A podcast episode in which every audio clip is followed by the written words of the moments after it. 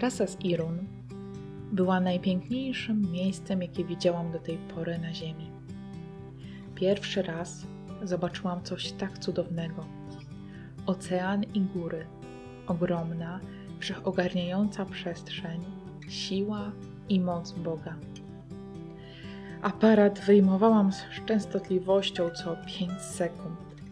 Szłam wolno, rozkoszując się tym, co widziałam. Szłam i czułam, odczuwałam. Jednak jedna myśl nie pozwalała mi rozpłynąć się w tej rozkoszy. Obawa, czy będę miała gdzie spać. Kiedy doszłam do mojego pierwszego albergę, strach miałam wypisany na twarzy. Moje oczy były nim tak przepełnione, że kiedy zobaczyła mnie gospodyni, zaczęła od razu uspokajać, że wszystko będzie dobrze. I to był ostatni raz, kiedy przerażenie mnie przerosło. Od tej chwili wiedziałam, że nawet gdybym miała spać na środku ulicy, na plaży czy w ciemnym lesie, to dam radę.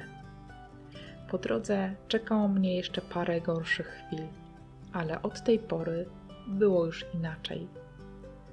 Zadziałała tu nie tylko troska Boga, ale też to, jak mnie prowadził i co ważnego o mnie mi odkrywał, jak otwierał oczy ślepca.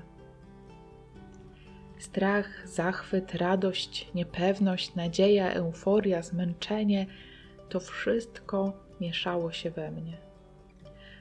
To był chyba pierwszy milowy krok, który zrobiłam w drodze. Pozwoliłam sobie odczuwać. Spotkałam się z moimi emocjami.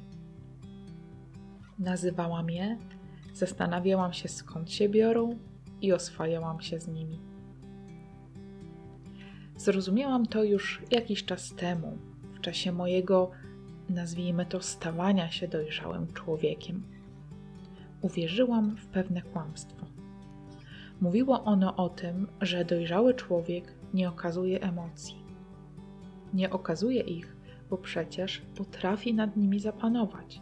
Skoro potrafi zapanować, to nigdy po nim nie widać, jak coś go porusza za bardzo. To błędne myślenie spowodowało, że zaczęłam się kontrolować z całym negatywnym znaczeniem tego przedsięwzięcia.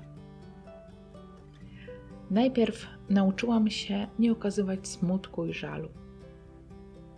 Ze złością zawsze miałam trochę problemów. Oczywiście, absolutnie wykluczona została jakakolwiek ekscytacja. I tak ta kontrola nawet nie wiem kiedy, doprowadziła mnie do zmniejszenia odczuwania tych emocji do niezbędnego minimum. Ja naprawdę przestałam je odczuwać. Może ich odrobina pojawiała się w bardzo, ale to bardzo trudnych wydarzeniach. Kiedy kilka lat temu zorientowałam się, że tak jest, wiedziałam, że chcę to zmienić. Powoli zaczął się proces odkłamywania Proces trwa, jednak droga zaskoczyła mnie czymś jeszcze. Na kamino zobaczyłam, że moje nieodczuwanie to nie tylko sprawa trudnych i mało dla mnie przyjemnych emocji. Tak samo zgasiłam w sobie odczuwanie radości, wszelkiego rodzaju przyjemności, szczęścia i wielu, wielu innych, tak, tak mocno zakopanych, że w tamtej chwili nie umiałam ich nawet nazwać. Uświadomienie sobie tego to był pierwszy bodziec do zmian. Po pierwsze, dałam sobie prawo do szerokiego odczuwania. Po drugie, dałam sobie czas na to odczuwanie i nazywanie tego, co czuję. I tak mój dobry Bóg przeprowadził mnie przez ten proces. Teraz zaczynam smakować życie. Muszę powiedzieć, że to jest fantastyczne. Czas drogi i fizyczna obecność na Camino niesamowicie w tym pomagał. Ale wszyscy wiemy, że Camino nie kończy się w Santiago. Chcę z tego czerpać zawsze i wszędzie. Chcę żyć, chcę cieszyć się życiem i jak najwięcej odczuwać.